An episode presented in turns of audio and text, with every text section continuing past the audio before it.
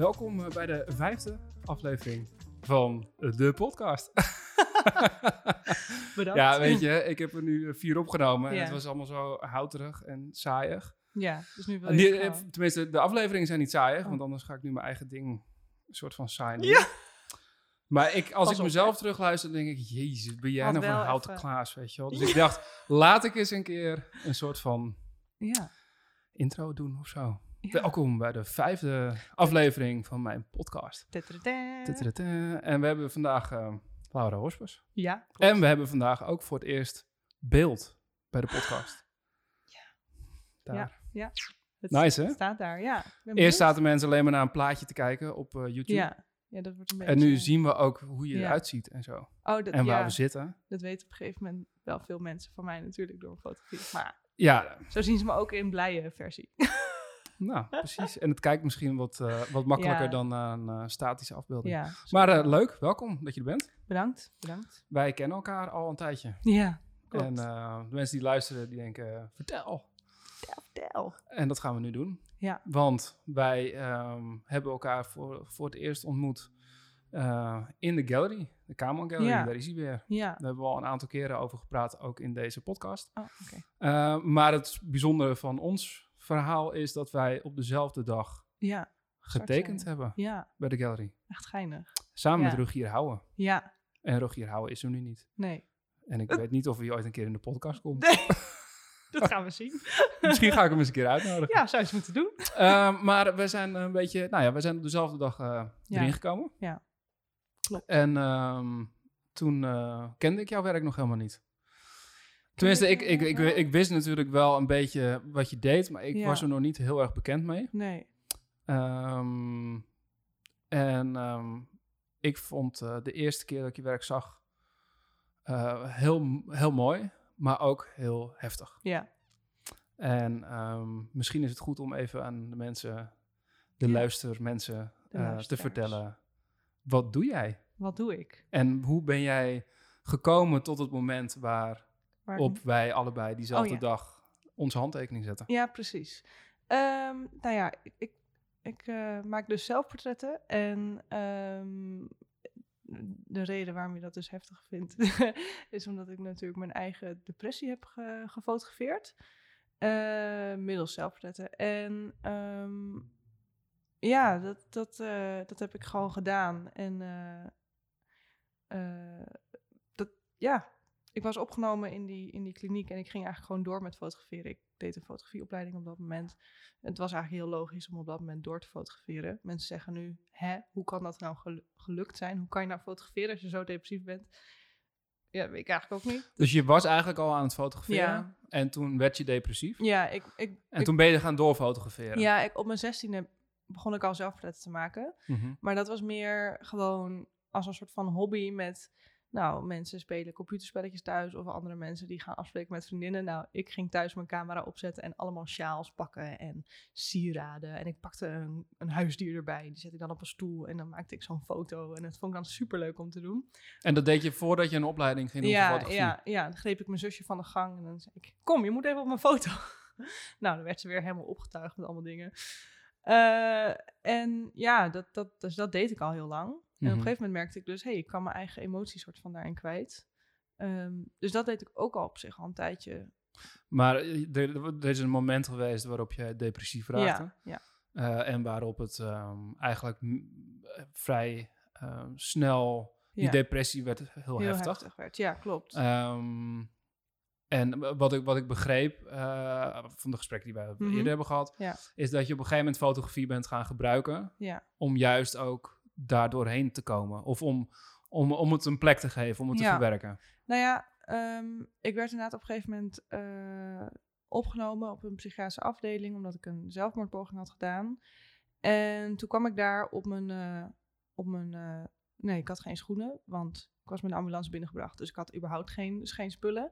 Dus ik moest op sokken toen naar de, naar de psychiatrische afdeling lopen, zeg maar. En eh, ik had wel een telefoon. Ik weet niet wie die telefoon voor mij had meegenomen, maar ik had blijkbaar een telefoon. En eh, dus ik werd daar de eerste nacht wakker en toen maakte ik, eh, of de eerste ochtend soort van, het was super mooi weer buiten.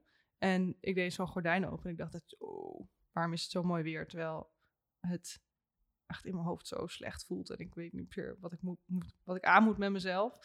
En, ehm, en toen maakte ik dus met een telefoon een foto, want ik, ik weet niet, dat triggerde iets of zo. En toen was die foto zo beeldend voor wat ik in mijn hoofd voelde, dat ik dacht, shit, waar is die camera? Want die hielp me natuurlijk altijd met het, met het eh, verwoorden van die emoties, zonder dat ik daar woorden aan hoefde te geven, soort van. Mhm. En zo ben ik dus doorgegaan inderdaad. Dat ik, ehm, dan had ik zoveel emoties in mijn, in mijn hoofd die ik gewoon niet kwijt kon. En dan ging ik fotograferen en dan had ik daarna, of soms had ik daarna een stukje opluchting. En ja, in die manier, op die manier hielp dat wel, ja. Ja, het heeft er niet voor gezorgd dat het minder heftig werd, die depressie. Want het is daar nog veel slechter gegaan. Maar Mhm. het, Maar Ja. op een moment ehm, gaf het je een soort van rust in je hoofd Ja. om op dat moment ehm, misschien wel ook iets anders aan je hoofd te hebben dan waar je op dat moment daarvoor was. Of was dat, ehm, was je er heel bewust van? Van dat Van- fotograferen? Nou, ik moet zeggen, dat hele jaar is eigenlijk een beetje een grijze wolk. Want Mhm. je zit altijd in dezelfde omgeving, in dezelfde kamer van 8 vierkante meter. En dan ga je niet meer het verschil zien tussen de maandag en de donderdag, zeg maar. Ehm, dus ik kan me sommige momenten van het fotograferen nog wel herinneren, maar andere ook echt helemaal niet. Dat ik denk, huh? oh, heb je deze foto ooit gemaakt? Oh, geinig. Ehm, ja, en als ik er dan naar kijk, denk ik wel zo. Ik was wel dep- echt depressief toen. Als Mhm. je daar dan zo Ja, na die eerste kijkt. serie foto's eh, Ja. die ik van je zag, daar, daar, daar voel je dat ook wel heel Ja. erg in. Ja. Ehm, maar aan de andere kant heeft het ook een eh, enorme schoonheid, vind ik. Omdat je, eh, het is zo intiem. ja, Het is heel heftig. Ehm, maar het is aan de andere kant ook wel weer een soort van beeld wat je ook niet kent Nee. of zo. Ehm, nee. Dat kan, kan in ieder geval heel goed. Misschien mensen die zelf die ervaringen hebben, dat die. Ja. eh, heb, je, heb je met mensen gesproken die in zo'nzelfde situatie hebben gezeten, die jouw werk kennen of die jouw werk zien? En wat is, een, Ehm, wat is hun reactie dan? Snappen ze het? eh, ja, ik heb wel teruggehoord van eh, iemand die zei bijvoorbeeld: Wow, dit is echt. Die, ik zag een foto van jou en toen dacht ik: Dit is hoe ik me voel en ik kan het niet uitleggen. Soort van. En hoe kan ik het met die foto kan ik het laten zien aan mijn vriend bijvoorbeeld? Kijk, zo voel ik me.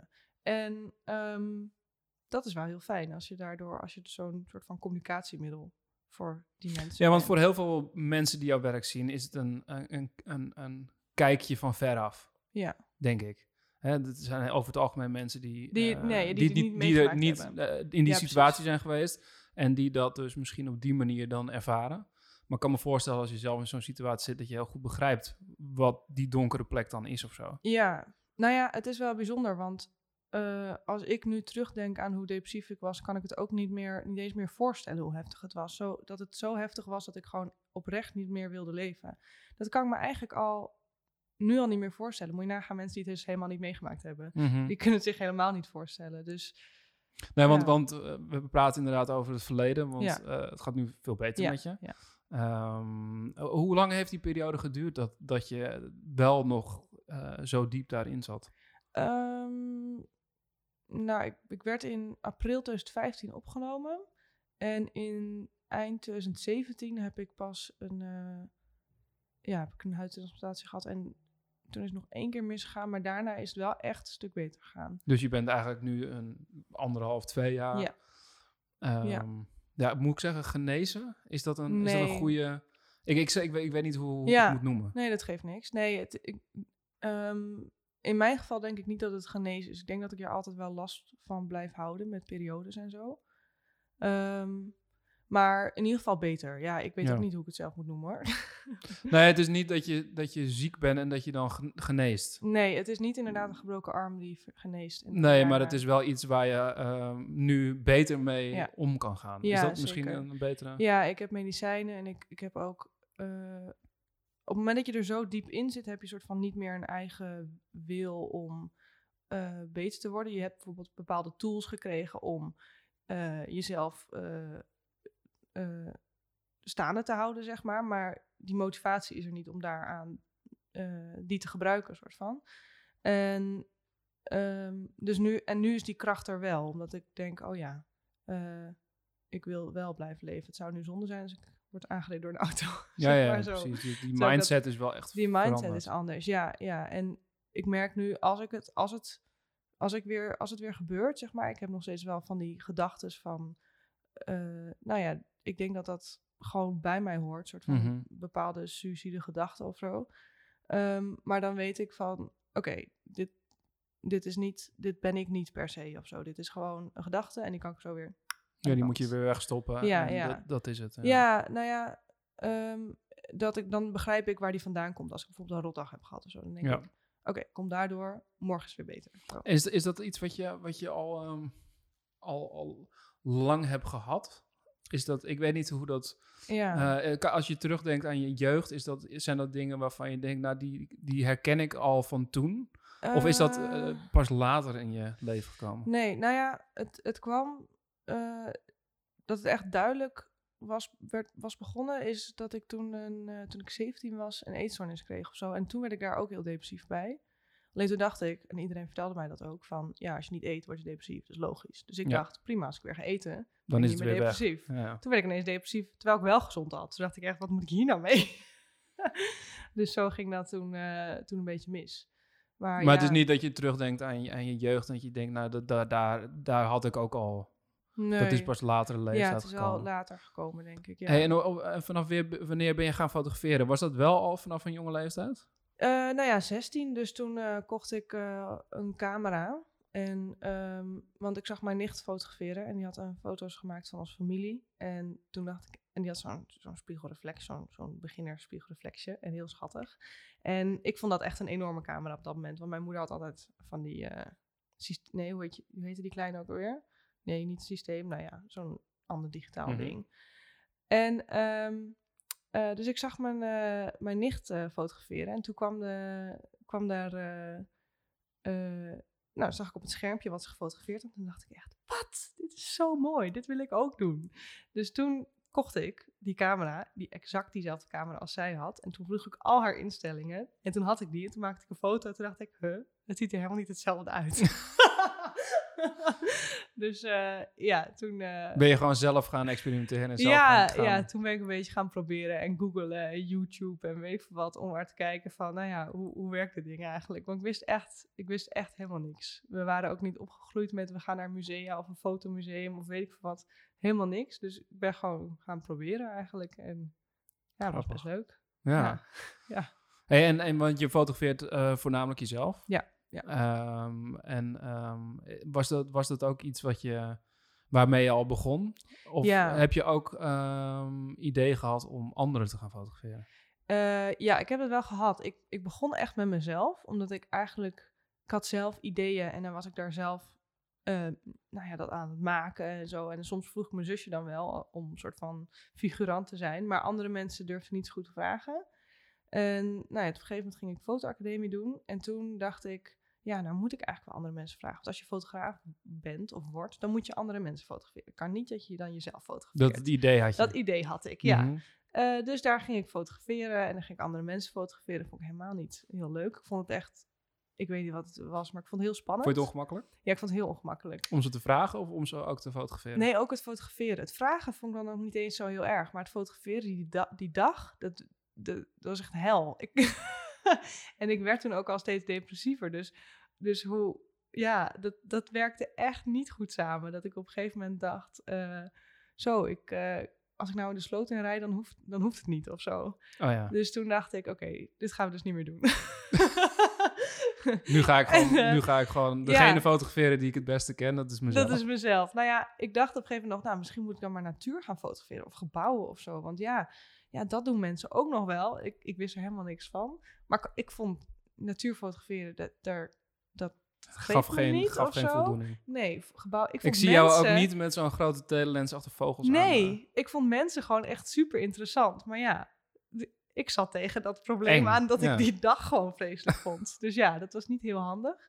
En op een gegeven moment legde ik eh, eh, bij een beoordeling allemaal zelfportretten neer, want ik had te weinig werk gemaakt of zo.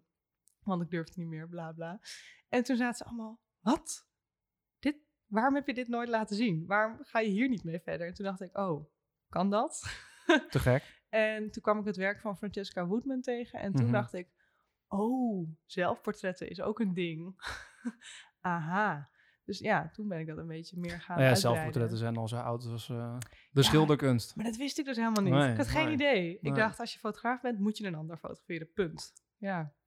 En eh, gefotografeerd worden door een ander. Want wij hebben voordat we hier begonnen te praten, heb Ja. ik jou gefotografeerd. Ja. Omdat ik eh, er nu eh, een soort van ding van gemaakt heb dat iedereen die hier komt zitten. Een foto. Ja. Op de foto ik- moet. Ja, die moet op de foto. ja. Ehm, vond je dat ongemakkelijk? Nee, dat vind ik veel minder ongemakkelijk. Ik, ik denk, het heeft wel te maken met soort van iets van dat ik moet, iets moet presteren. En ik wil er graag zelf iets inleggen in, dat, in, in die foto. En ik kan die, die, eh, dat intieme waarmee ik wil fotograferen, dat, dat kan ik niet achter een camera op iemand anders richten of zo. Dus dat is die ongemakkelijkheid. Dat ik gewoon, ja, ik, Ja, van het zelf fotograferen van anderen. ja, ja. Maar op het moment dat je zelf in het licht staat en een camera op je Ja. gericht, dan, dan Nee. heb je dat niet. dan laat ik, en dan kan ik dat helemaal loslaten van, nou ja, die... eh, Dus het gaat puur om de handeling van ja, het maken van een foto van Ja. iemand anders. ja, ja. En Dat is wel, eh, dat is wel Bijzonder, bijzonder. ja. Ja. ja. Omdat het vaak juist... Ik heb, ja, ik heb het dan zelf andersom en heel veel fotografen zullen het andersom hebben. Ja, ja, Het fotograferen is mooi veilig, want je staat er zelf en je hebt zelf de controle. En je kan zelf bepalen hoe, hoe, dat dan allemaal gaat. ja. Eh, en het een beetje bluffen af en toe. Ja. Want Alsof je weet we hebben het over bent. ongemakkelijkheid. En, maar ik vind, Ja. eh, ja, heel, ik heb heel vaak nog momenten dat het ongemakkelijk is. Dat je elkaar net niet aanvoelt. Of, weet je, het, het is, eh, blijft een, kan een heel ongemakkelijke situatie opleveren. ja, ja, Maar dan sta je wel nog daarachter. Ja. Ik vind het juist mega ongemakkelijk om aan de andere kant te staan. Ja. Iemand met mij. En dan, Nee, ja. dan, dan merk ik, dan betrap ik mezelf erop dat ik dezelfde reacties ga geven als mensen die voor mijn camera Ja. staan. Waarvan ik denk, ja wat een rare reactie is dit, weet je wel. Weet je wel, als, als iemand dan heel lang doet, weet je, en, en ik doe het zelf ook, en dan nog even een ander hoekje en dan Ja. Dan betrap ik mezelf erop dat ik zeg, eh, zo, nou gaat die, eh, staat het er al op? Oh, Dat ik denk, nou dat moet ik helemaal niet zeggen, weet je.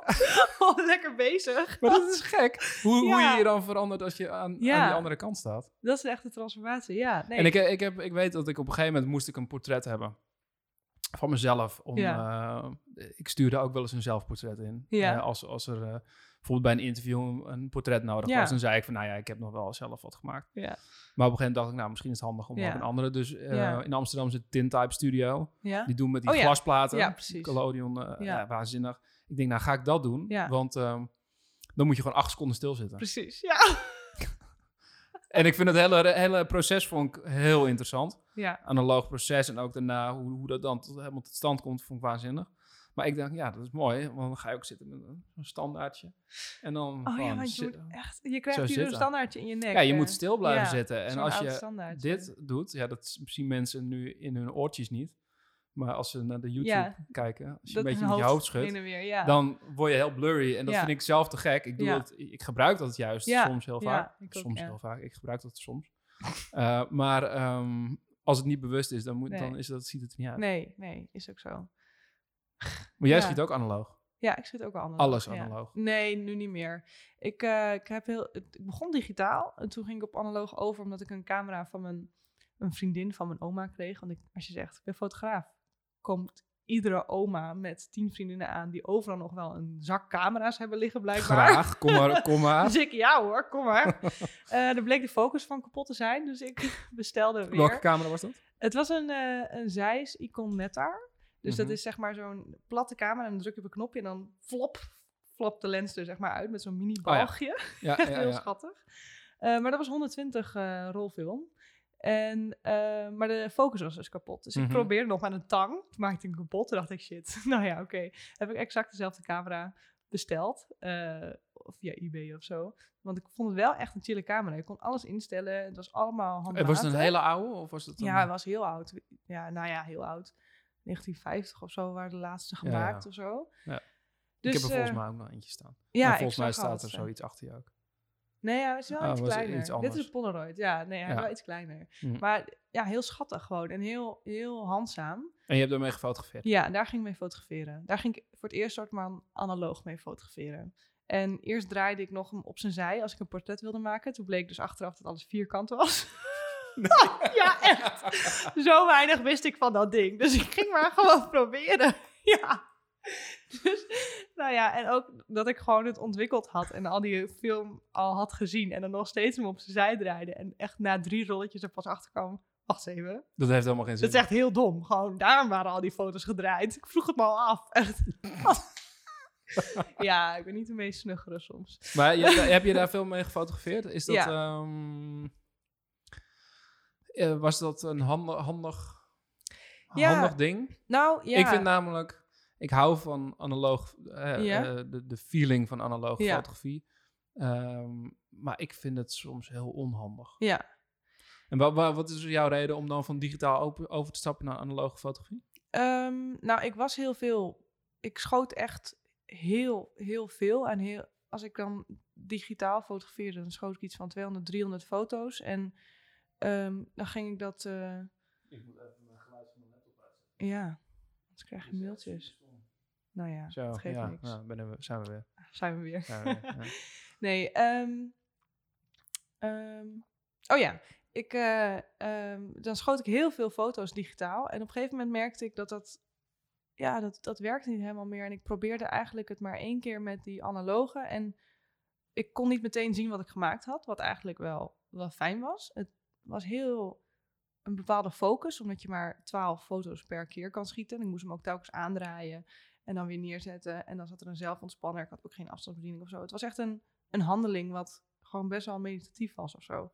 En dus, dus dat, eh, dat proces, eh, dat, ehm, eigenlijk moest je daardoor langzamer werken en dus Ja. misschien beter nadenken over hoe Ja. je... Ja. En, dan heeft dat, je, heeft dat je geholpen? ja, In plaats van een soort van, nou, we doen het om We nog doen 50 maar- keer over. precies. Ja, ja, het, ehm, ja, het heeft me zeker wel geholpen. Veel, eh, ik merkte ook dat vierkant dus echt wel een heel fijn eh, verhouding is. Soort van. Dat, dat, dat wist ik eigenlijk niet van mezelf. Maar ik centreer bijna alles. Eigenlijk, nou bijna, ik denk dat ik alles gewoon centreer. Mhm. Ik vind dat heel fijn werken. En in vierkant werkt dat nog veel extremer, soort van. Dus dat, dat merkte ik, dat dat wel interessant was.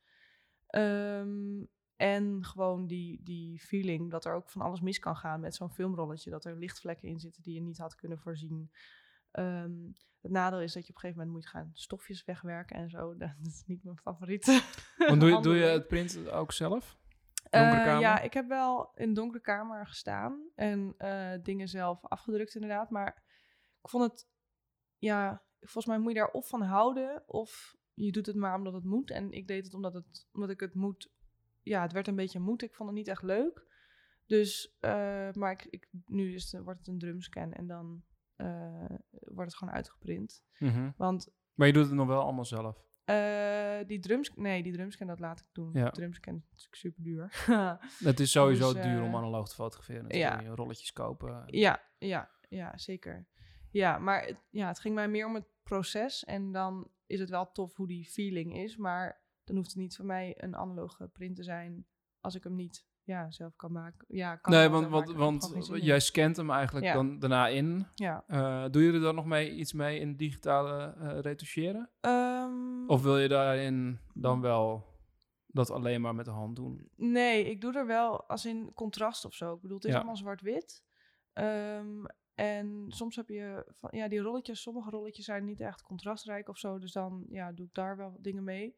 Maar ja, verder doe ik, ik haal geen voorwerpen weg of dat soort dingen. Dat, dat, dat doe ik allemaal niet. Mhm. Ik heb ook wel op een gegeven moment heel, ehm, nee, ik wil zeggen puristisch, maar dat is misschien een beetje heftig woord. Maar dat ik ook niet wilde kroppen in de foto's, dus dat ik echt het volledige ne- negatief wilde gebruiken.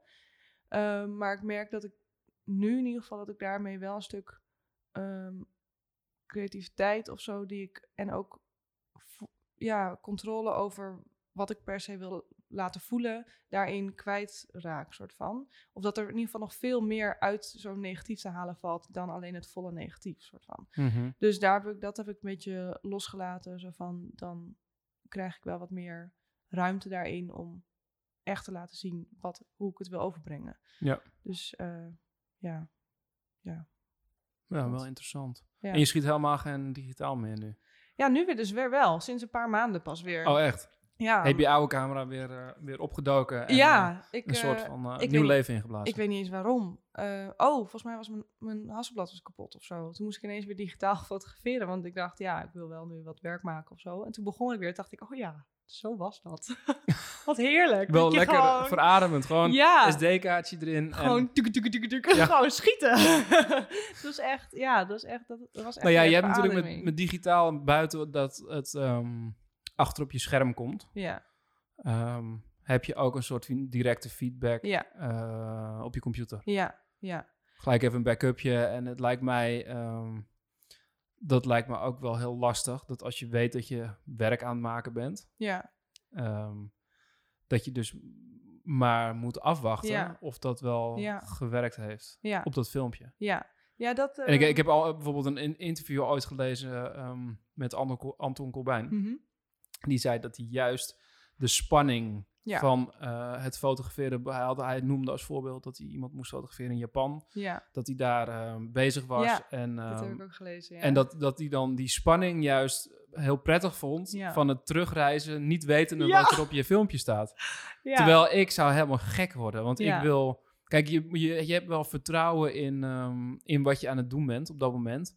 Dus je weet wel ongeveer. Ja, ehm, maar je weet het niet helemaal. nee. En dat is wel iets heel lastigs. Ja, nou ja, ik, ehm, toen ik voor het eerst zeg maar overging naar die analoog met dat kleine cameraatje, die eh, icon of icon, ik weet niet hoe je dat zegt, ehm, eh, kwam ik ook weer in het ziekenhuis te liggen. En wat handig was daar, er is niks handig aan in het ziekenhuis liggen, maar dat het zeg maar een klein analoog cameraatje was, is ja, ik maakte die foto's en eigenlijk was het ook niet echt een heel groot onderdeel van mijn dag. Want soms maakte ik een foto of dan zag ik wat. En al die rolletjes spaarde ik eigenlijk op tot ik weer uit het ziekenhuis kwam. En ja, eh, of dat het nou gedaan, gemaakt was of niet. Het hoeft, hoefde ook dan niet perfect. Het ging ook meer om wat er, dat het overkwam, soort van.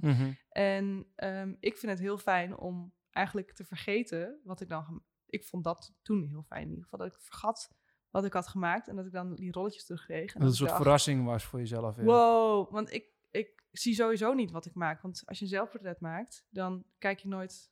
Je ziet nooit wat je maakt. Dus die verrassing, Is er al. die is er al, ja. Ja, ja. Dus dat is Alleen nu fijn. komt hij veel later, omdat je waarschijnlijk ook dat je in het ziekenhuis lag, niet die nee. rolletjes kon laten ontwikkelen. Nee, klopt. Nee. Eh, je gaf ze niet aan je ouders mee of dat, dat liet je zitten en dan op het moment dat je... Want hoe lang lag je vaak in het ziekenhuis? Ehm, nou, die laatste keer heb ik in ieder geval... Toen heb ik vier weken in het ziekenhuis gelegen. En dat was echt op een, eh, een eh, isolatieruimte. Want toen kreeg ik dus een huidtransplantatie. En ehm, het duurde heel lang voordat ik uiteindelijk die transplantatie kreeg. Omdat er allemaal dingen mis waren gegaan. Ook fout vanuit het ziekenhuis. Maar ook dat het, het moet eerst niet meer ontstoken zijn. Want anders ga je er een huid opleggen. En dan Mhm. Dan gaat het je weer arm. ontsteken, ja. ja.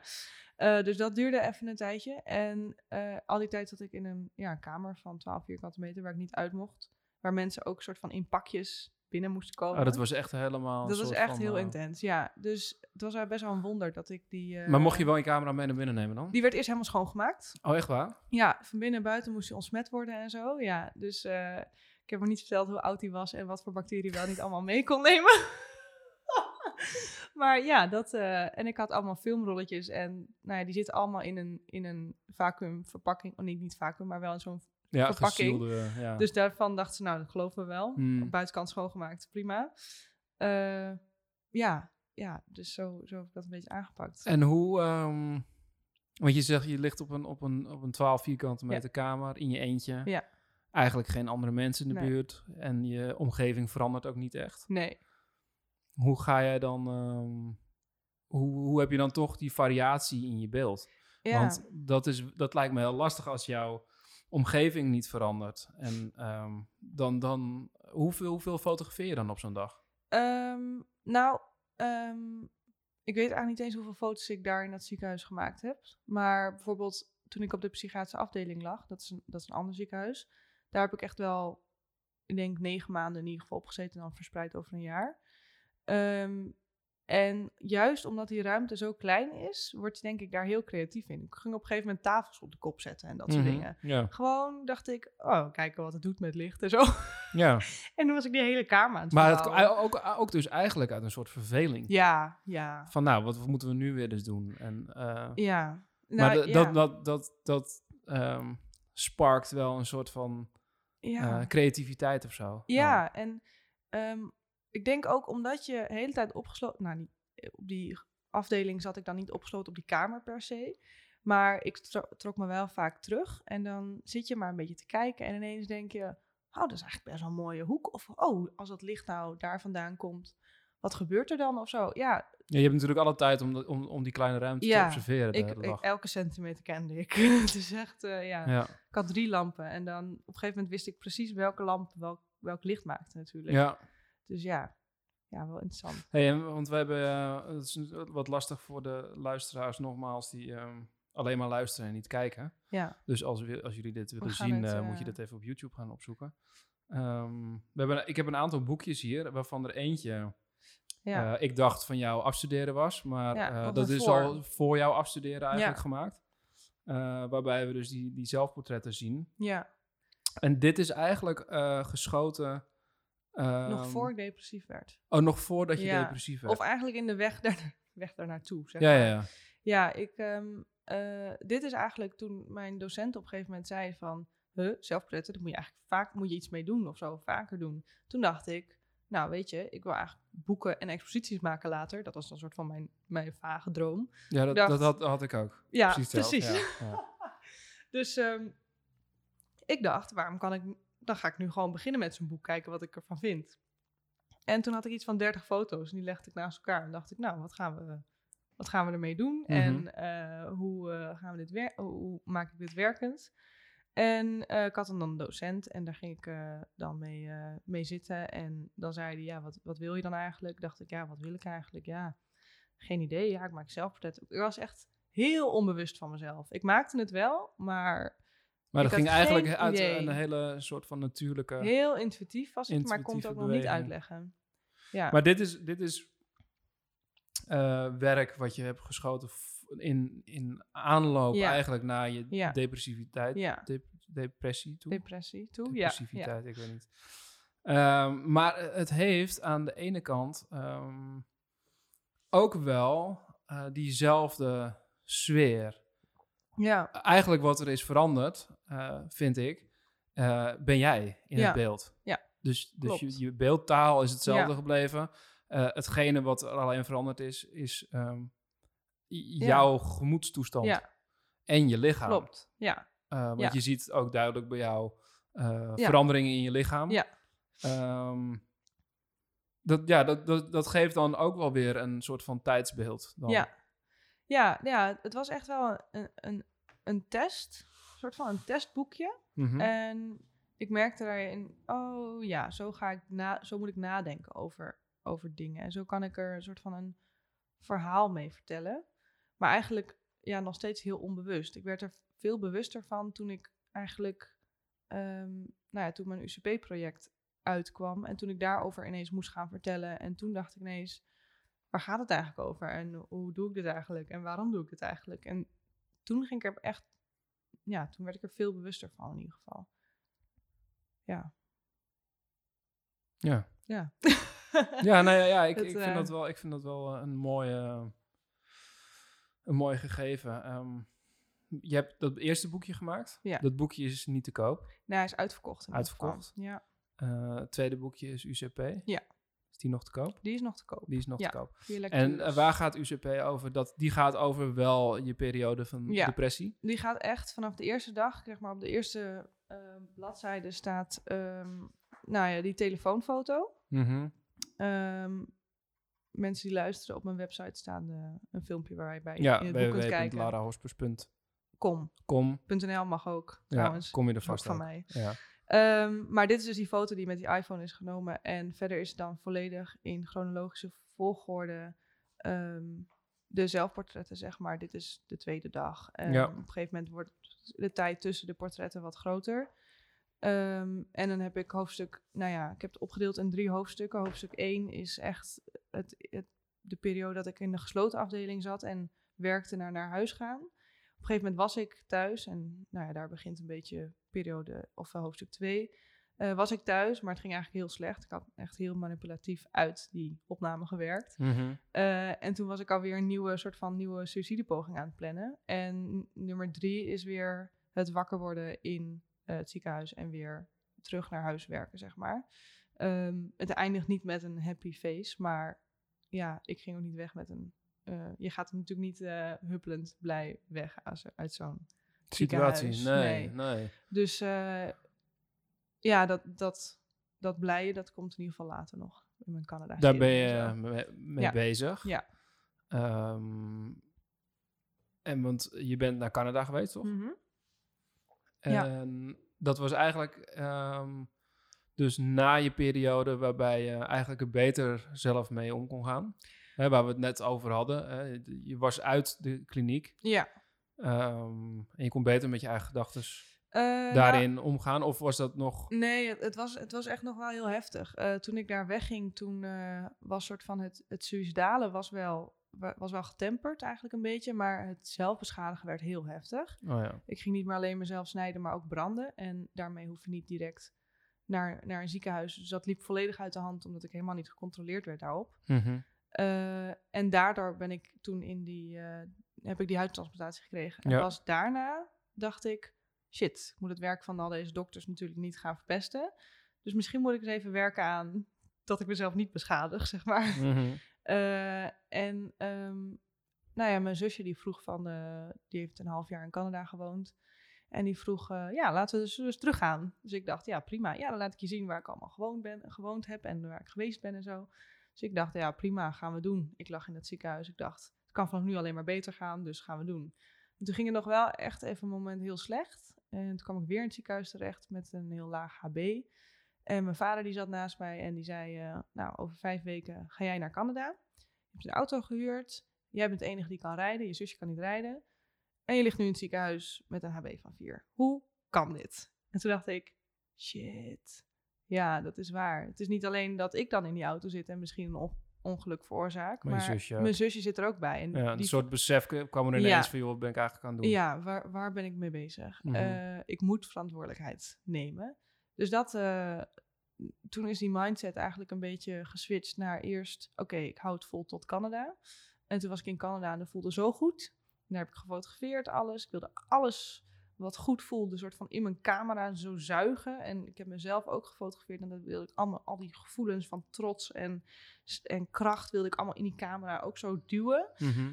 En toen dacht ik, ja, dit wil ik eigenlijk wel vasthouden, want het, voelt voelt, heel fijn. Je kreeg er juist goede energie Ja, van. ik wist niet dat ik me zo goed kon voelen. Dus daarom Mhm.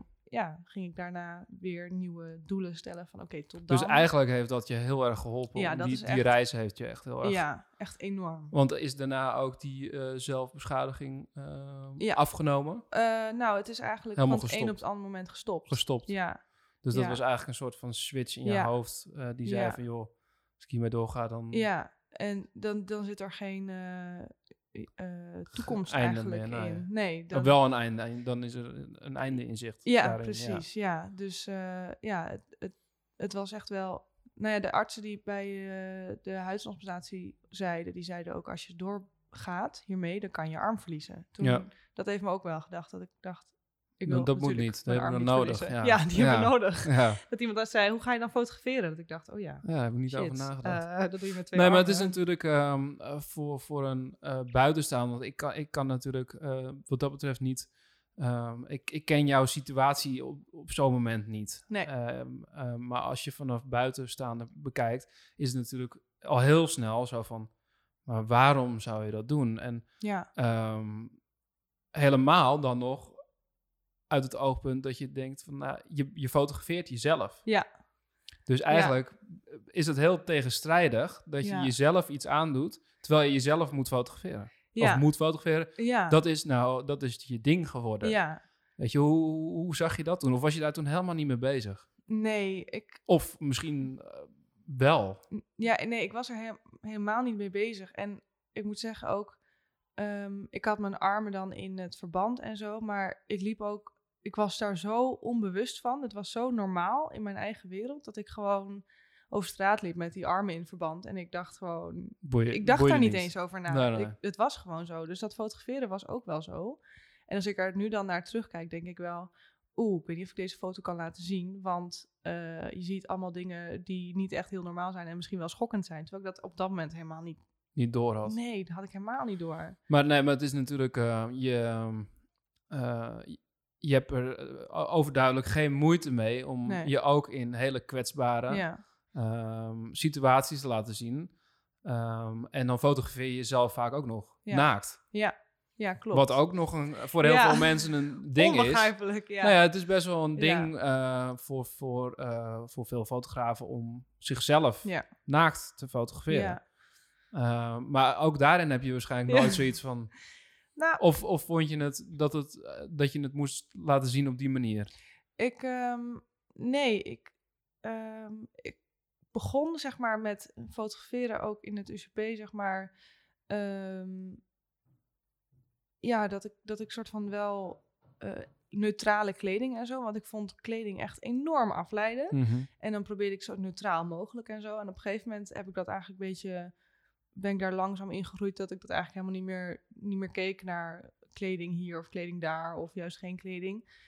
En voor ik het wist, zat ik weer naakt te fotograferen, zeg maar. Ja. Dus Nou ja, het, Ja. het grote voordeel is dat je natuurlijk met je, met je, je bent in je eentje. ja, precies. Dus dat maakt het het minder Ja. ongemakkelijk voor ja, jou. zeker. Ehm, maar is alsnog wel heftig, denk ik. Vond je het heftig om jezelf zo terug te zien? Want je was er niet van heel erg van bewust, zeg je net. Hè? Ook als je in het verband Ja, bent. ja. Ehm, maar was je er ook niet bewust van dat op het moment dat je jezelf fotografeerde en je, dat, dat kwam overduidelijk, komt het in je foto's naar voren. Ja. Was je jezelf dan ook niet bewust op het moment dat je dan die foto zag, dat je dacht van, ah, ja, het, het best wel Heftig. heftig? Of zag je het, Op of was jij met hele andere dingen bezig in die foto? Op dat moment inderdaad echt niet. Het is echt, ehm, Je kijkt meer naar compositie en Ja. lijnenspel en wat je ermee wil vertellen, ja. dan dat je denkt van, ja, dit het- is het wel een heftig heel- beeld. Heel intuïtief en het was heel erg inderdaad van...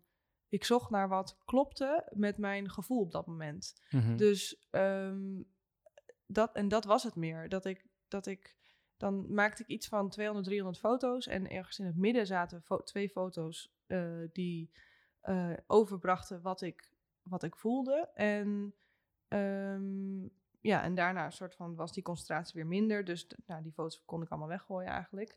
Ehm, en dat, daar keek ik heel erg naar. Of die, die foto dan, ja, of dat dan klopte met hoe ik me voelde. Of dat dan overbracht die, die extreme emotie, zeg maar. En helemaal niet of dat dan heftig was of zo. Want die, die heftigheid, dat is super relatief op het moment dat je jezelf al heftig voelt. Ja. Dan is het gewoon, ja, klopt. Maar nu je dan eh, eh, zelf in een soort van betere mindset Ja. eh, zie je het nu wel? Nou ja, ik, ik, ik ging laatst bijvoorbeeld op mijn Instagram helemaal naar beneden scrollen. En nou, zag ik een foto en dan dacht ik, ja, die foto ken ik. En dan keek ik wat erbij stond. En stond er bijvoorbeeld, was op mijn verjaardag, stond er birthdays are still days. En toen dacht ik wel, oef, Ja, zo, ja. zo'n heftige uitspraak. Soort van. Maar Mhm. dat was zo normaal voor mij toen. En nu denk ik wel echt zo, dat is wel echt, het, druipt er vanaf, zeg maar, die depressie. eh, en ja. dat vond ik heel normaal. Maar misschien is, heb je het ook wel, is het ook wel dan, kan me voorstellen dat het goed om ehm, daar ook bewust van te zijn dat, dat, dat het toen was. Zo Hoe van, je? Nou ja, van dat het toen zo was. Ja, En eh, heb je dan voor jezelf zoiets van, nou, misschien omdat het zo heftig is, daar wil ik nooit meer naar terug Ja. of zo?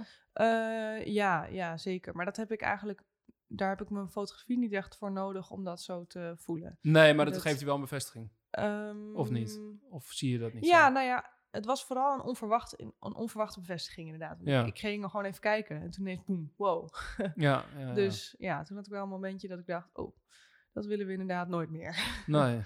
Dus ja. Nou ja, wat, wat, ik, wat ik me nog afvroeg. ehm, Nou ja, omdat, omdat je het, het hebt over... ehm, wat je zegt eigenlijk van, nou ja, op het moment zelf zie je niet hoe heftig Ja. dat is, omdat je daar zelf middenin Ja. zit. Ging het jou dan meer om het proces van Ja. het fotograferen? Ja, ja heel Dus het ging jou eigenlijk helemaal niet om het eindresultaat? het, nou ja, het, ehm, het eindresultaat tot een, bijvoorbeeld, tot een soort van selectietje op mijn computer, eh, of misschien een printje van 10 bij 15, waar dan die emotie op stond. Een soort Mhm. van, alsof ik een pakketje aan het maken was met mijn emoties of zo. Ja, ja. En op een gegeven moment ging ik het inderdaad laten zien. En omdat ik me, nou ja, heel depressief en zo voelde, maakte ik me eigenlijk ook, ja, was niet zo bewust van wie dat allemaal zou zien, bijvoorbeeld. Ehm, maar, ehm, dus ik, ik vond dat op dat moment ook helemaal niet heftig om te laten zien. Want ik dacht gewoon, ja, dat, dat is gewoon zo, toch? Mhm. Zo. dat is Mhm. heel normaal. Ehm, Nee, maar je, je, Ja. had, je had dus het uiteindelijke beeld niet nodig voor een soort van verwerking, maar het ging eigenlijk het meer ging echt om het proces. het proces Ja, van ja. het op het moment eh, erover nadenken van hoe, eh, eigenlijk hoe voel ik me nu? ja. Want je wilde dat in beeld vastleggen. Ja. Alleen je moest er eigenlijk over nadenken van, als ik me dus zo voel, hoe ga ik het dan overbrengen op beeld? Eh, nee, dat Of was, ging dat ook heel denken. intuïtief Ja. en gewoon heel natuurlijk? Ja, en- kijk, ik, ik bedenk niet van tevoren, zo wil ik erop staan. Want dat kan niet, want ik zie mezelf niet, zeg maar, als ik een foto maak. Dus ja, maar ja, het kan zijn dat je een beeld in Ja. gedachten hebt. nee, ja, dat is dus eigenlijk niet zo. Ik, la- Nee. ik, en ik, daardoor raak ik denk ik telkens verrast voor, door, door wat ik zie. En als ik daar, het is wel grappig, want ik, ik blijf naar een bepaalde schoonheid zoeken, ook al voel ik me dus heel slecht. Eh, en dan raak ik heel erg verrast van, wauw, dit is zo, dit is zo mooi of zo. Ehm, ja, en, dat, en ineens zie je dat of zo. Mhm. Dus ehm, ja, on- ondanks dat ik me gewoon heel slecht voel, dan wil ik iets moois maken of zo. Ja, dus je bent eh, eh, k- eigenlijk constant aan het creëren. Ja, ja, ik denk het wel. Mhm. Ja, ja. En op een gegeven moment komt er een moment dat er dus eh, een eh, eigenaar van de gallery Ja, je werk ziet. ja, ja.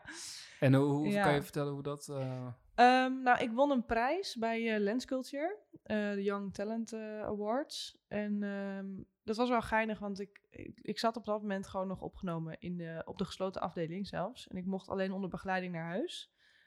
Dus dat ging ik soms even doen. Dan ging ik printjes maken van de foto's die ik gemaakt had. En dan ging ik ze daarna op mijn bed zo neerleggen en een beetje schuiven. En dat was een soort van herstructureren van al die gevoelens en Mhm. begrijpen wat ik gemaakt had of zo. En toen kwam er zo'n zo'n eh, open call langs van, eh, ja, je kan insturen bij Lens Culture. Ik dacht, nou prima, ik heb hier twintig series liggen, dus, want die heb ik net vannacht allemaal zitten maken.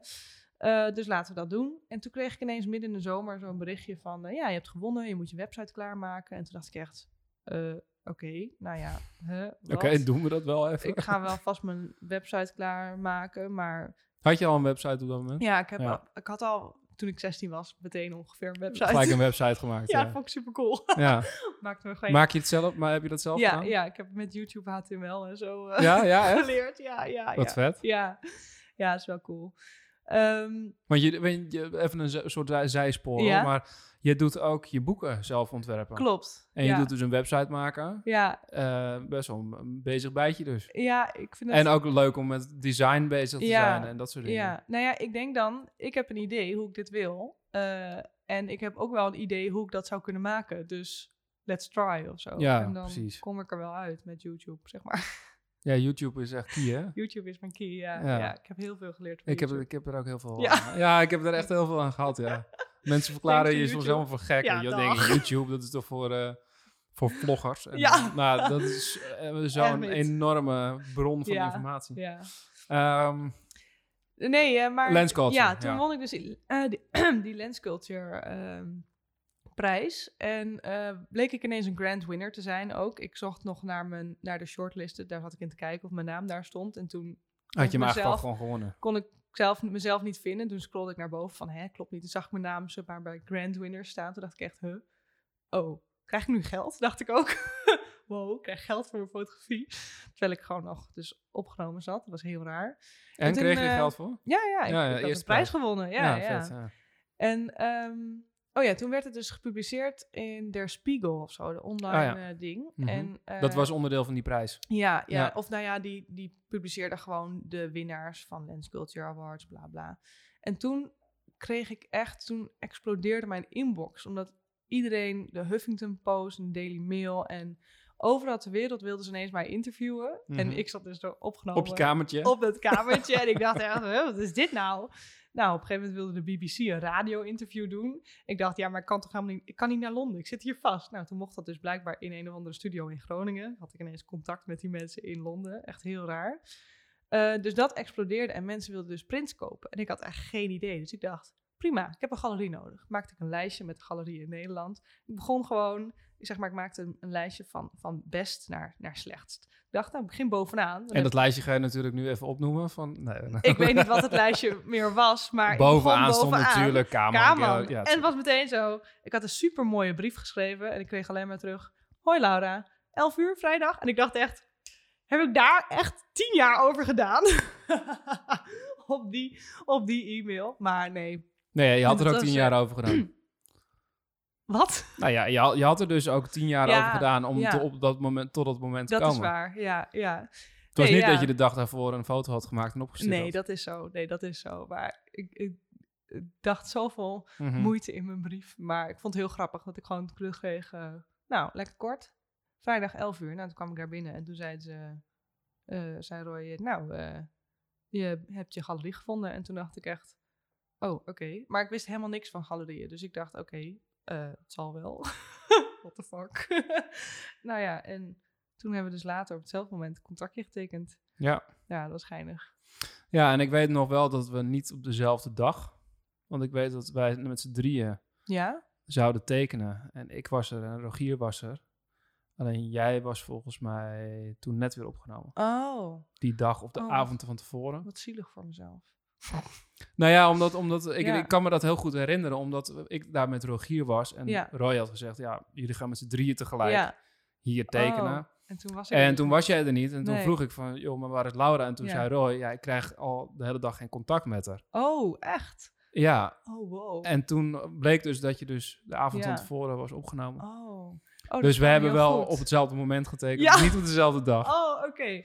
Nee, ja, dat... en toen hebben we daarna, eh, hebben niet, niet lang daarna, hebben we um, met z'n drieën een show Ja. gehad. ja. In de gallery. Ja, dat was echt cool.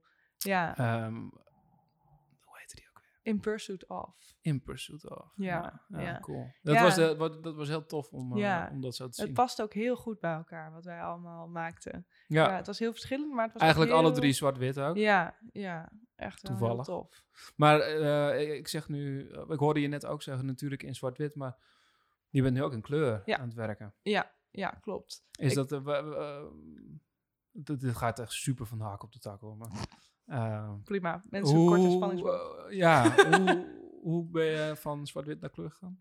Ehm, ik dacht altijd dat ik absoluut niet met kleur om kon gaan. Ik, ook met mijn kleding bijvoorbeeld. Ik, ik had altijd het idee dat ik niet de meest fashionable persoon zeg maar, was. En dat ik kleuren combineerde die mensen eigenlijk niet gecombineerd vonden kunnen. Dus ik dacht, ja, ik kan gewoon niet met kleur omgaan. Eh, nou ja, prima. Ik fotografeer in zwart-wit. Ehm, en op een gegeven moment eh, zei iemand, of had ik wat kleurenrolletjes, fotorolletjes gekocht. Per ongeluk denk ik of zo. Toen had ik die maar gebruikt. En ik dacht, eh, Toch wel interessant. ja, gewoon om te proberen eigenlijk.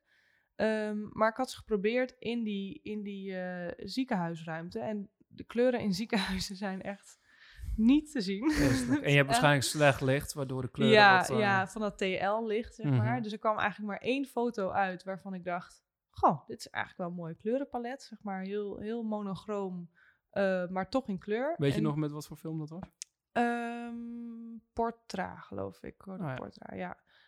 160 of zo is dat dan. Ja, ik denk... Nee, eh, ja, 160 of 400. Ik weet niet meer welke ik had, maar... Een beetje gelig, gelig, eh, ja, groenig meer, Groenig, hè? Ja, Ja. ja. Dus, nou ja, en toen dacht ik, ja, dit is eigenlijk wel, wel mooi. Oké, en toen heb ik dus ehm, in Canada ook wel veel in kleur gefotografeerd. ja. En ja, toen ben ik er eigenlijk een beetje mee begonnen. En toen met mijn, nu later ben ik Polaroids dus gaan maken. En die waren allemaal in kleur. En daar merkte ik dat ik die kleuren van de Polaroid, dat, dat kleurenpalet, gewoon echt helemaal fantastisch vond.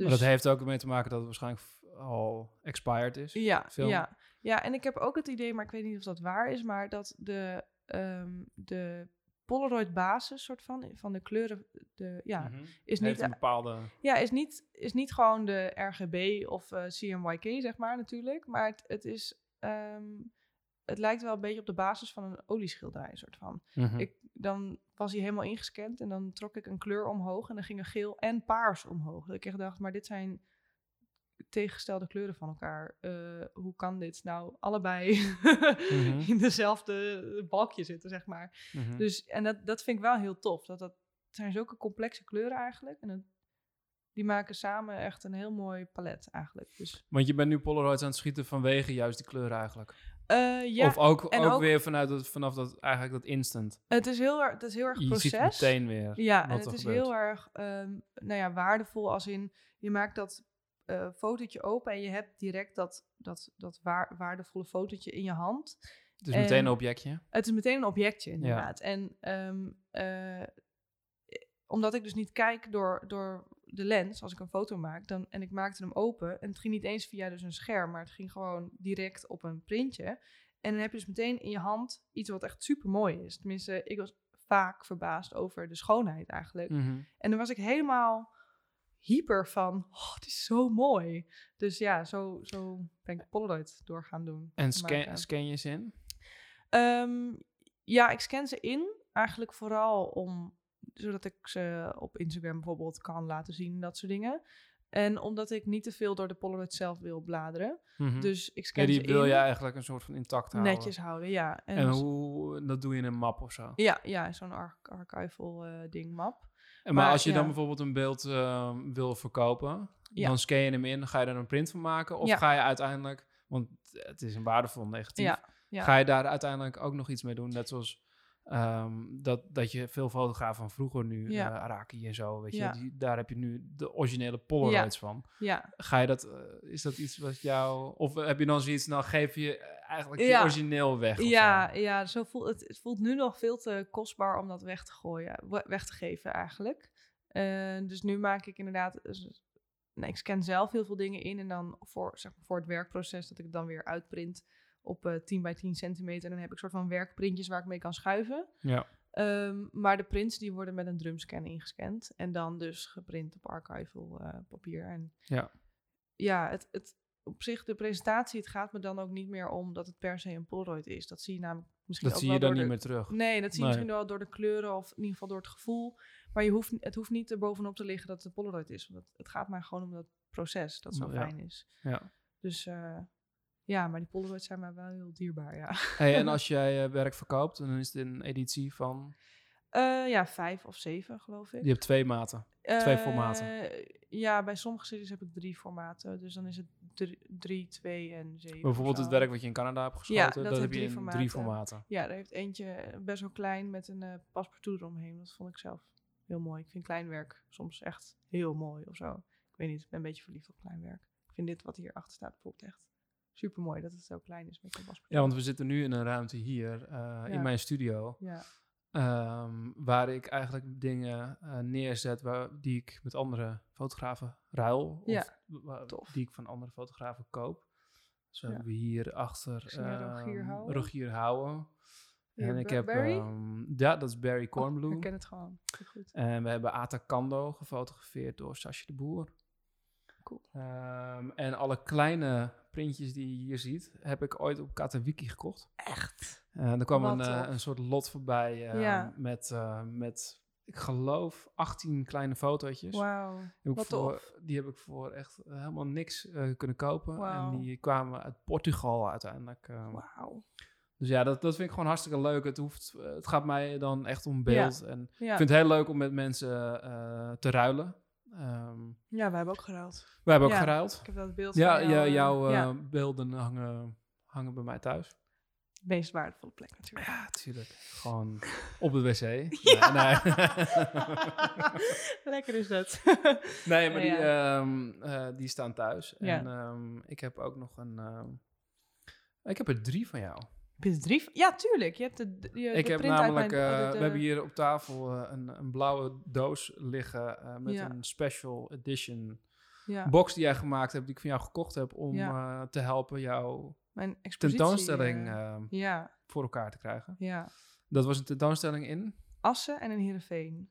Dubbel heeft En dat, dat was een overzicht van UCP. Ja, en Canada en de Polaroids.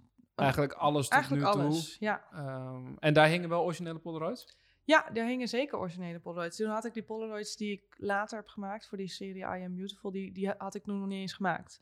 Die kwamen eigenlijk daaruit voort, zeg maar. Maar er hingen ook originele Polaroids die soort van dat, de voorbereiding daarvan.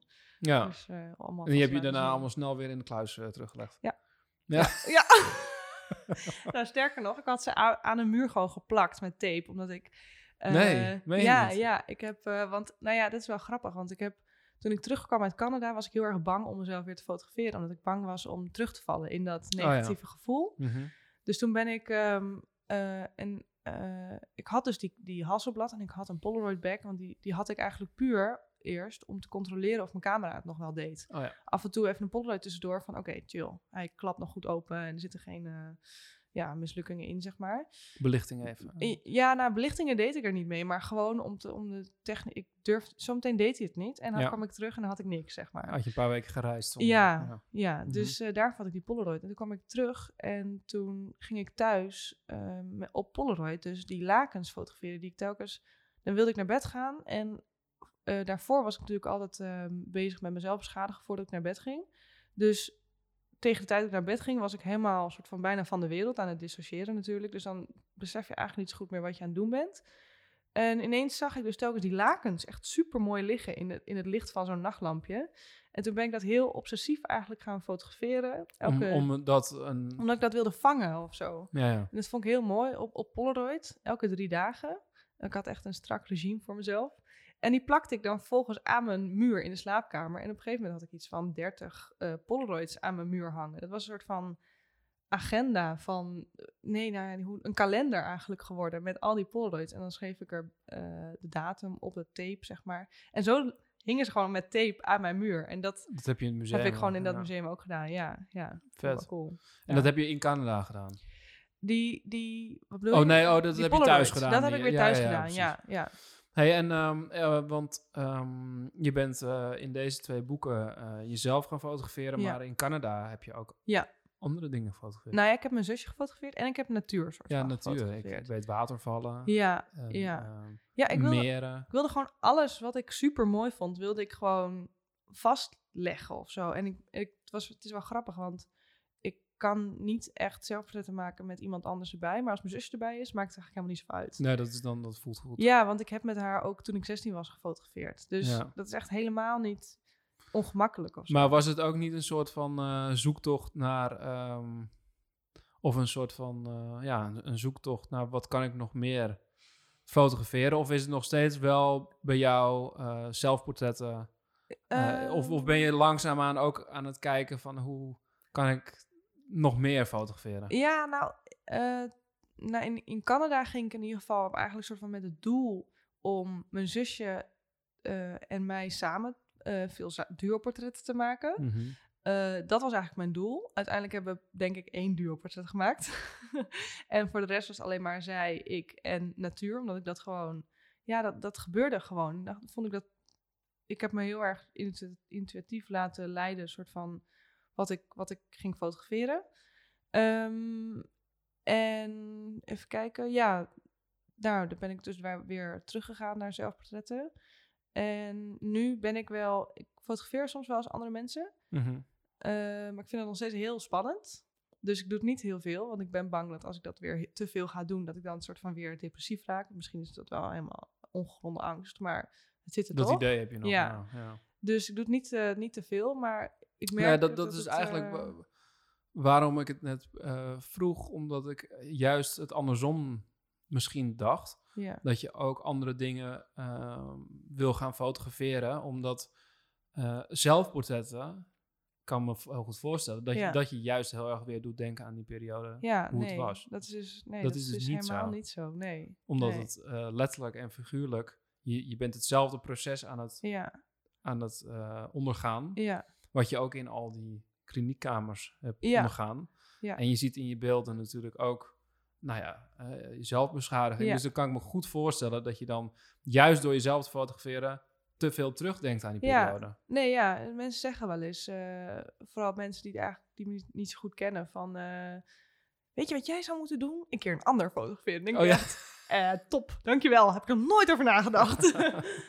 dus, ehm, maar ja, het is voor mij niet confronterend of zo om dat, om dat terug te zien, ook al met allemaal littekens of zo. Eigenlijk zie ik het zelf ook, ook niet. Het is, ja, ik kijk gewoon heel anders naar zo'n beeld. Ik Mhm. ik kijk ook helemaal niet naar eh, of ik er wel goed of lelijk of oncharmant op sta of zo. Dat maakt me eigenlijk allemaal niet Gewoon uit. puur en om de emotie in dat beeld. Ja, het gaat Ja. echt om die emotie. ehm, en ik kan ik ook heel snel zien. Ik ga door al die foto's heen en dan is het klik, klik, klik, klik, klik. Oh, tof. Klik, klik, klik, klik, klik. Oh, tof. En later zie ik pas, oh, deze is onscherp. Oh, deze is wel scherp. Oh, prima, prima, prima. Ehm, ja, en als dan er een, blijkbaar een arm op staat die eh, met een litteken erop... Ja, dat, dat zie ik eigenlijk helemaal niet zo snel in die selectie. Ik vind dat zelf eigenlijk best wel snel, vond ik het heel normaal eigenlijk. Ja. Dat, ik, eh, dat er mensen zaten te kijken en dat ik dacht, huh, waar kijk je naar? Oh ja, oh ja, ik heb natuurlijk littekens op mijn armen. Nou ja, en, en denk een, een, een teken van een heel goed voorbeeld hiervan ehm, vond ik dat eh, met de box. ja, Ehm, want eh dat vond ik super schattig dat je toen ehm, de box was klaar ja, als eh, hè, voor, voor je tentoonstelling. En we werden door jou uitgenodigd Ja. in de gallery. ja. Eh, en toen had je helemaal mooi Ja, naambordjes gemaakt. was echt trots. ik heb de box helemaal zelf gemaakt. Ook dat, lin, dat doos ook helemaal zelf gemaakt. Ja. Ik was super trots. Ja, Eh, en het is ook waanzinnig mooi geworden. Ehm, maar wat ik daarbij wel eh, ook heel erg ehm, mij is bijgebleven, is dat wij daar toen zo op een rijtje zaten Mhm. om dat open te maken. En jij zat aan de andere kant en jij zat echt zo van...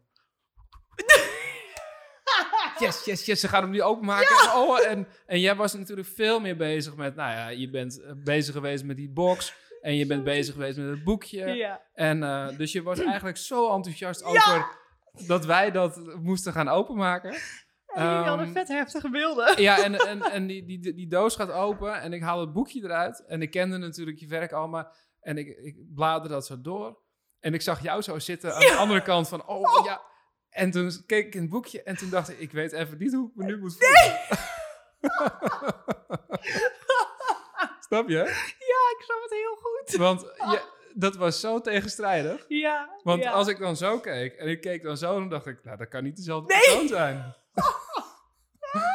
dat, was heel, Ja. dat was heel bijzonder, want ehm, Ja, eh, in, het, in het boek, of in de bo- eh, box zitten ehm, twee boeken, ja, waarvan ehm, Canada, ja. I Ehm, survived another day. I Survived ja. Another Day, dat is het boek ge- geworden wat je in Canada gemaakt hebt. Ja, precies. Ja, wel met foto's van terug, maar inderdaad. Ja, en, maar er zit ook een ander boekje bij. En daar zullen we niet eh, te uitgebreid eh, op ingaan. Maar ehm, dat beschrijft eh, wat rituelen die jij Ja. had vroeger. Ja. Eh, en vooral dat boekje vond ik eh, vrij heftig om ja, te lezen. is intens. En dat vond je zelf ook. Dat Ja. zei je ook. Van, Ja. nou, weet je, eh, Pas even op. pas even op. Ja. Het kan vrij heftig zijn. Ja, Eh, en dat, vond ik heel heftig. Ja. Ehm, maar, maar daarom vond ik het des te tegenstrijdiger. Dat ik dan het boekje zat te lezen en ik eigenlijk een soort van eh, niet eh, heel goed wist hoe ik me Nee. moest voelen. Want ik, aan de ene kant was ik een soort van heel sad, heel verdrietig. Ja. Zo van, ah, maar ik Wat vind dit eigenlijk heftig. helemaal... ja, Weet je wel, ik wilde het heel graag eh, zien. En Ja. het- maar aan de andere kant voel je wel van, nou ja, dit is wel eh, ook wel weer heel extreem. he- extreem Ja. persoonlijk. Heel extreem. En eh, dat, dus die emoties heb je terwijl je boekje zit lezen. En dan kijk je omhoog en dan zie je alleen maar een soort van super eh, eh, hyper meisje aan de andere kant zitten. Die, die eigenlijk een soort van verwacht van en, en, en, en, en. Maar ik was echt, ik was zo trots. Ik had echt een jaar op dat boek zitten broeden, soort van. Dus eh, ik ben dan al lang dat heftige voorbij. Maar dat, dat, dat, dat geeft wel mooi weer dat je daar dus ehm, helemaal niet mee bezig bent. ja, Met ehm, op dat moment. Voor jou is het dan, eh, hoe gek het ook is, zo normaal geworden. ja, ja, Ehm, dat, ehm, dat je daar dan niet meer mee bezig bent. Ja. Maar voor mensen die het voor de eerste keer kijken, en er zullen vast ook mensen zijn die nu dit zitten te luisteren en die nu voor het eerst naar jouw website gaan, ja, die waarschijnlijk ook zo'nzelfde. Hoor, hoor je dat vaak of niet? Of zijn mensen daar Ehm, misschien niet altijd even eerlijk in? ehm, dat, dat ze zeg maar g- geschrokken zijn of zo? Ja, je? nou ja, dat, dat is, ehm, want je doet ook wel... ehm, kijk, als je, ik kan me voorstellen als jij een museumshow hebt in Groningen ja, of in Assen, ja, zo, ja. ehm, dan... ehm, dat was een solo Ja. tentoonstelling. Ja, Dus dan gaan mensen naar binnen die weten, ja die, kennen, die weten, nou ze nu gaan we krijgen. de wereld van Laura instappen. En eh, dan word je misschien wat eh, gematigder in Ja, je... ja. je gaat niet heel enthousiast daar Nee, nee, rondlopen. nee, precies. Ehm, maar je ha- werk hangt ook wel eens op beurzen. Ja, Waarbij mensen van ehm, Richard Avedon eh, naar ehm, ja, de hedendaagse fotografen. Ja. ga- de- de- alles komt daar voorbij. ja. Maar jij hangt daar ook. Ja. En nu was de laatste tijd eh, Canada, Ice 5 Another Day. ja, eh, wat minder ja, wat minder grafisch heftig. Ja, heftig is. Maar daarvoor heeft natuurlijk dat andere Ja. werk er ook gehangen. ja. Heb je dan bij mensen... ehm, wat, hoe zijn dan reacties? Want dan verwachten mensen het soms niet. Nee. Eh, heb je daar wel eens... eh, Ja, ik denk dat ik toen wel ook wel hetzelfde een beetje heb gehad als, als jij. dat er mensen, nou ja, best wel in stilte voor die foto staan. En dat ik daar alleen maar zo sta van, oh, kijk hoe mooi het is ja. ingelijst. dat ben ik. ja. Ja, en, ehm, eh, en daarvoor denk ik dat ik gewoon wel veel te onbewust was van hoe heftig het eigenlijk ook echt overkwam. Omdat het gewoon heel normaal was, inderdaad. Dus dan, dan dacht ik echt van, huh, maar hoe kan dit nou jou raken? Want Mhm. huh, het is echt, hoe, hoe kan dat? Ehm, Maar het, kan, het, kan, het kunnen natuurlijk twee emoties zijn. Het kunnen meerdere emoties zijn, maar er zijn twee emoties die eh, voor mij het meest voor de hand liggen. Dat is of een soort van ehm, schrikreactie ja, en zeggen van, oh, maar dat hoef ik niet te zien. ja, ja. Dat, dat kan ik me voorstellen. ja, zeker. Eh, of juist een reactie, een soort geëmotioneerde reactie. Ja, van ja. Eh, wat, wat mooi of wat Ja. heftig of vertel je verhaal. Of Ja, precies. wat, wat, wat, Ja. wat, wat komt jou het meeste... Ehm, Want ik kan me voorstellen dat als mensen... Jij, jij eh, zit daar zo middenin en, je, en je, je hangt het op en je bent daar heel trots op om ook je verhaal te vertellen. Kan ik me voorstellen dat die reactie van... "Huh, nou, maar dat, hoeven- dat dat niet een leuke reactie voor jou is. Maar terwijl ik hem eh, wel ook kan begrijpen. Ja, nee, eigenlijk heb ik dat ook wel altijd wel beg- begrepen, soort van. Ehm, ook bij die solo was er ook een, bijvoorbeeld een, een, vrouw die, een mevrouw die even haar dochter kwam afzetten of zo. En toen had die dochter gezegd, ja, anders loop je toch even mee naar binnen. Die schrok zich te pletter. Mm. Dus die was, oké, nee, ik ga nu weer naar buiten. En ja, dat, dat, dat begrijp ik. Als je echt er totaal niet op, op voorbereid bent, dan is het natuurlijk echt super heftig. Ja. En ehm, ja, dat, dat, ja dat, dat mag je gewoon dat vinden. Eh, ik, ja, ik kan daar dan op een gegeven moment niet zoveel mee, behalve zeggen, nee, tuurlijk, prima, ga naar buiten. Ehm, ehm, en ik, ik weet niet of ik dat ook zo zou ervaren, dat ik iets te heftig zou vinden en dan... Dus ik kan me daar niet zo goed in Nou ja, je moet, je ik. moet een beetje een... ehm, in de, eh, het is heel gek, maar je moet er een soort van in de stemming Ja. voor zijn. Mhm. Eh, want ik, eh, ja, kan me voorstellen dat als jij eh, in een onwijze happy place bent, Ja, ehm, dat, dan, dat dat dan een reactie kan zijn. ja. Ehm, Ja, maar ja, aan de andere kant, eh, want jij bent heel vaak dan er ook bij. ja, Ehm, en eh, als jij namelijk eh, acht foto's op een muur hangt en dat is het enige wat je met je, Ja. met je kijker communiceert, ja, dan snappen mensen denk ik ook niet in eerste Nee. instantie wa- wat het is Precies. waarnaar ze zitten te kijken. ja ze, dat is ook Dus je hebt ook een stukje verhaal nodig. Ehm, ja, nou ja, ehm, ik heb wel het idee dat inderdaad soms op bijvoorbeeld eh, een unseen of zo, dat er dan natuurlijk een, een set van foto's hangt. Echt super mooi ingelijst en zo, maar dat er natuurlijk veel mensen zijn die, je ziet al zoveel beelden dat je kijkt en, en niet meteen de emotie meeneemt. Dus die kijken en die lopen natuurlijk gewoon weer door. Ehm, en op, op het moment dat ik er dan bij sta, dan in eerste instantie herkennen veel mensen me niet dat ik dezelfde persoon ben. Sommige mensen die zie je wel zo kijken en denken, wacht eens even, dat is, dat is, dat is de persoon er die eens- hier geportretteerd wordt. En dan wordt het ineens heel echt voor die Oh ja, mensen. en, want en die- wordt er wel eens gevraagd van, en heb jij dit eh, gefotografeerd als in heb jij dit meisje gefotografeerd? Ja, nou, ik heb... Be- eh, mensen, be- beseffen mensen zich soms niet dat jij het bent die erop Ja. staat? Ik heb wel eens eh, naast een eh, vrouw gezeten en er was een expositie en er was een één bankje was er nog over en ik wilde even zitten en die, dat bankje stond tegenover mijn eigen foto. Dus ik ging met mijn rug eigenlijk naar mijn foto toe zitten, want ik dacht ja, ik ga er niet de hele tijd naar zitten kijken, is ook een beetje raar. Toen kwam er een vrouw naast mij zitten en die ging dus wel, die keek wel naar mijn foto en die zei ja, wat een prachtige foto. eh, bla bla. En, eh, eh, wie ben jij? Heb je ook gefotografeerd? Ik zei ja, ja, ik heb toevallig die foto gemaakt.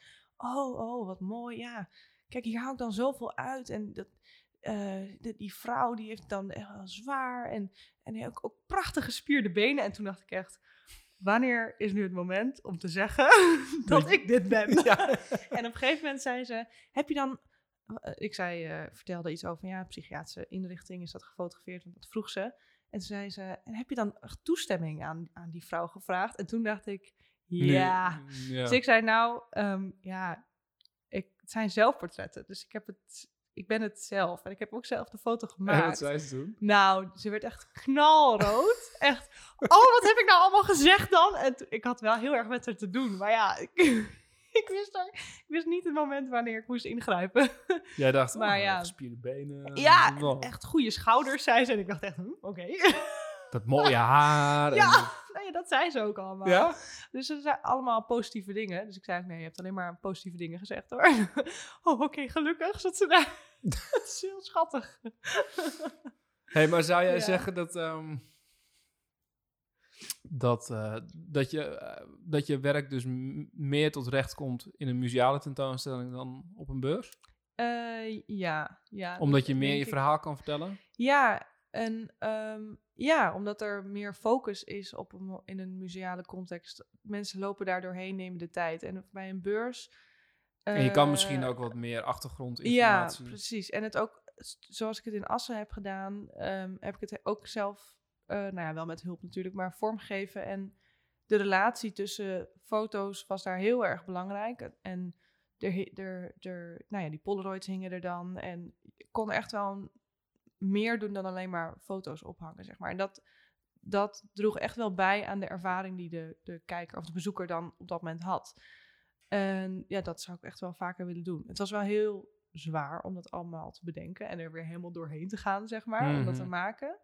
En Maar dat zal je nog wel een paar keer ervaren. Ja, precies. Dus, maar het was wel even toen ik klaar was, toen die expositie klaar was, dacht ik binnenkort even niet weer een solo-expositie eh, zo Nee. eh, zelf eh, maken. Maar ja, dat gaat wel weer komen. Hoop ik. Ja, ben je, ben Ja. je met iets stiekem bezig? Nou, ik ben niet echt nu eh, met exposities bezig. Ik ben nu weer meer bezig met werk maken. Mhm. Ik ben ehm, bezig met een serie over eh, de inconvenient, inconvenient bodies.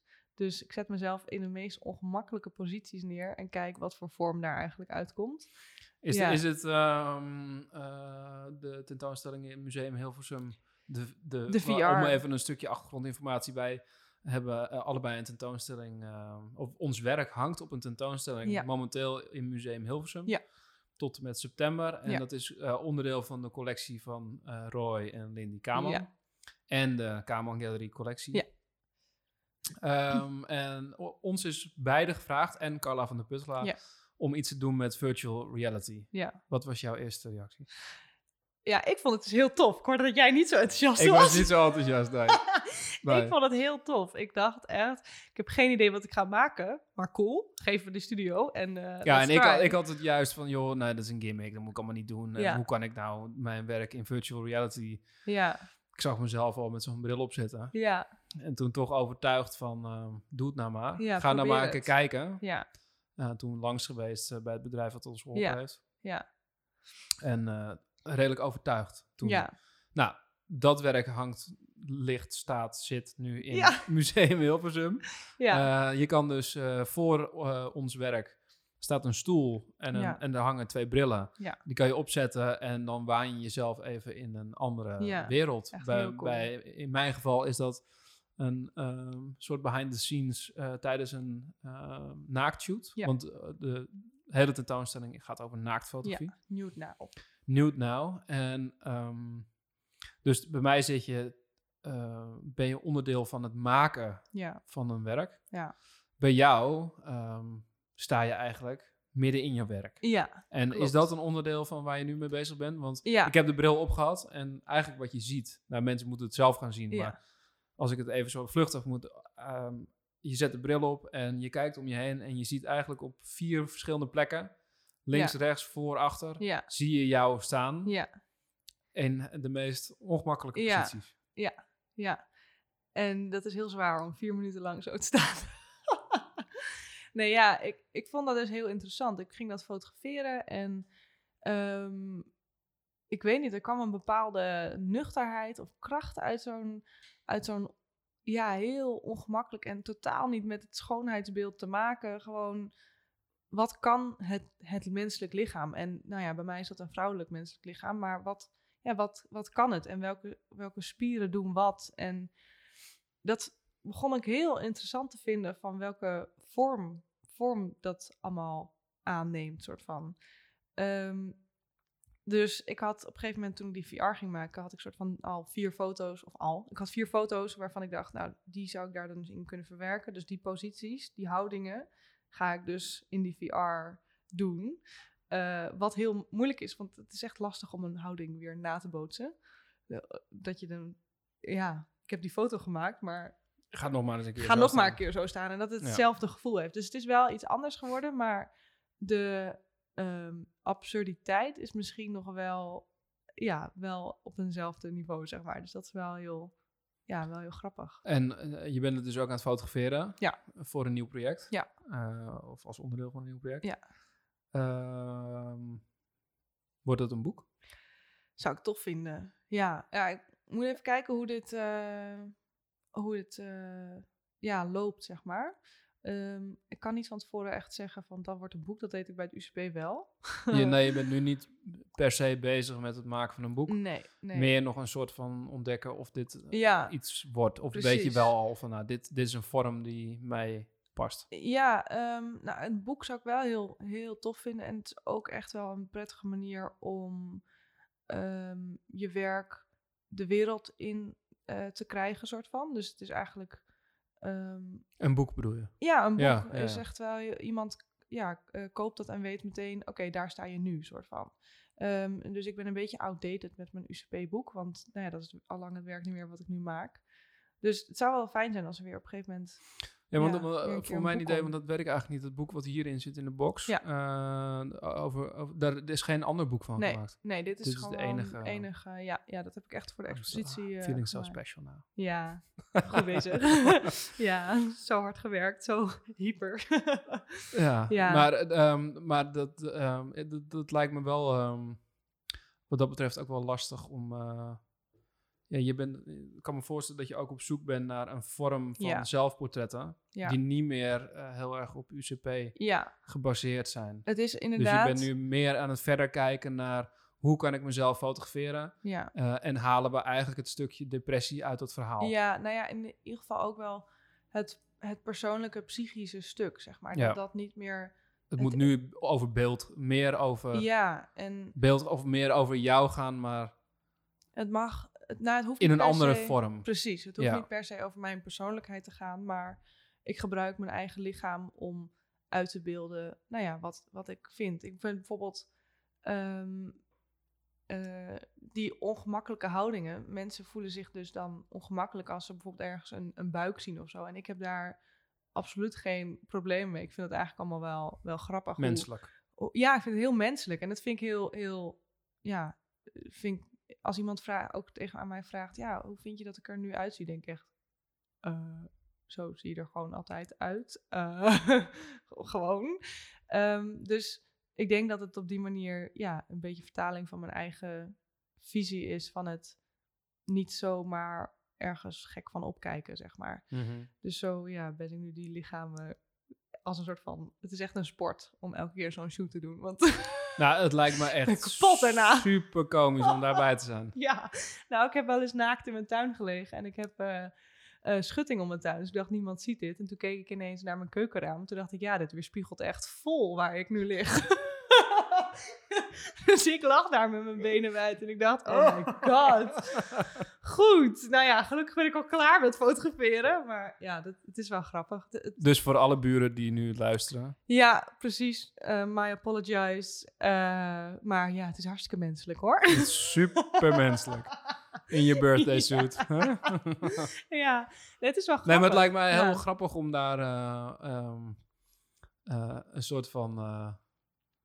Hoe, dat, hoe dat gaat. Ja. Want jij ik kan me heel goed voorstellen, jij bent dan eh, daarmee bezig. Jij denkt, nou, nu ga dus dan zet je je camera neer.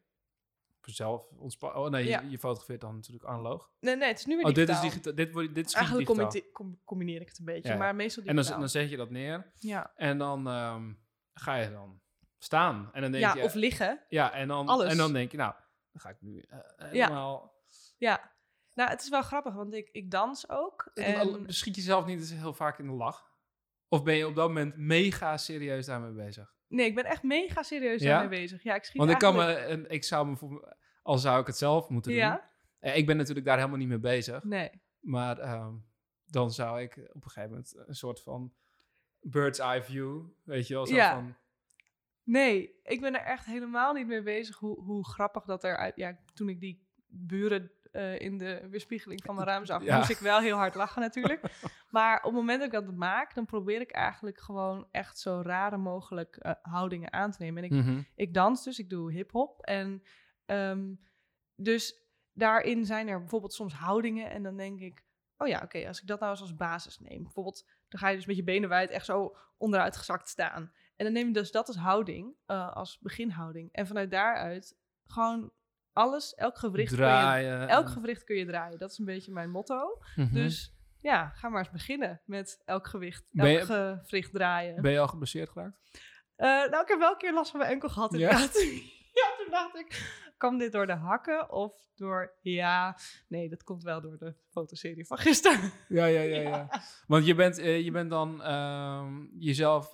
Je hebt geen, helemaal geen kleding aan. Het draait echt om je lichaam. Of draait het om het eh, bijna object maken Het van object jezelf? maken. Ja. Of het zelfs of dierlijk maken of object ja. maken. Maar soms heb ik wel kleding aan en eh, soms ook niet. Maar ehm, Daar draait het dus helemaal niet om. Nee, nou, soms vind ik het wel ehm, ehm, prettig of zo om bijvoorbeeld in de tuin nu dus wel kleding aan te hebben. Dat helpt nu Ja, wel. alleen- je voelt je er iets prettiger er bij. is wel echt een verschil tussen helemaal naakt zijn en Mhm. wel kleding aan hebben. Want dat helemaal naakt, dat, dat, ik weet niet hoe dat voor andere mensen is, maar dat voelt heel natuurlijk of zo, heel vrij. Echt, er zit niks in de weg en er heeft ook niks te maken met ehm, dat het, het, ja, hoe je eruit moet zien. Want het is, het is echt heel lichamelijk of zo. En Ja. Ehm, die, ja, dat heb ik wel nodig om van die hele vreemde, natuurlijke, ja, houdingen, om dat interessant te vinden of zo, om dat ook te voelen. Dus ja. En, en leg jij... ehm, ben jij... eh, natuurlijk ben je heel bewust van je omgeving op zo'n moment. Ja. Heb je daar een soort van standaard, een vaste vorm nu in gevonden voor dit project? Doe je het bijvoorbeeld alleen maar, ik hoor je namelijk zeggen buiten, Ja. buiten fotograferen.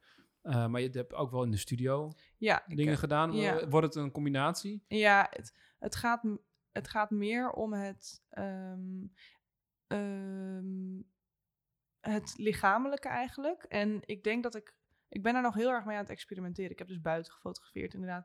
Ik zou het ook wel tof vinden om een keer, niet alleen in mijn tuin, maar ergens in een of ander natuurgebied of zo te gaan staan. Het lijkt me niet een heel strak plan om het midden op de Dam in Amsterdam te gaan proberen.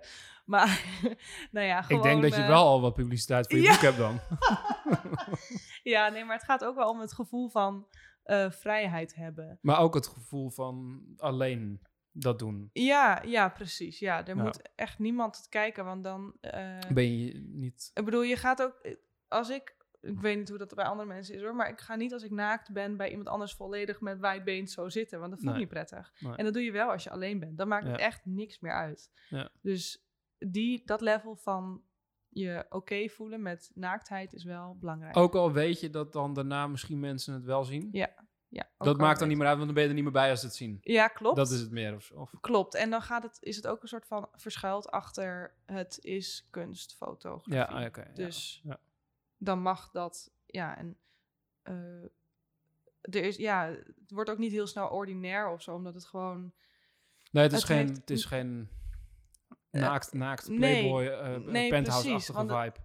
Het gaat juist om, om vorm en om lichaam. Dat heb ik zelf, ja. eh, vind ik dat ook. Ik fotografeer natuurlijk heel veel eh, modellen ja, naakt. ja, En dan gaat het mij ook niet zozeer om dat iemand nou per se naakt is. nee, precies. Maar gewoon omdat ehm, dan de vormen van een menselijk lichaam zo mooi zijn. Ja, en ook geen afleiding door een, eh, een, een onderbroek dat net verkeerd zit of, eh, of lelijk is. Of, Ja.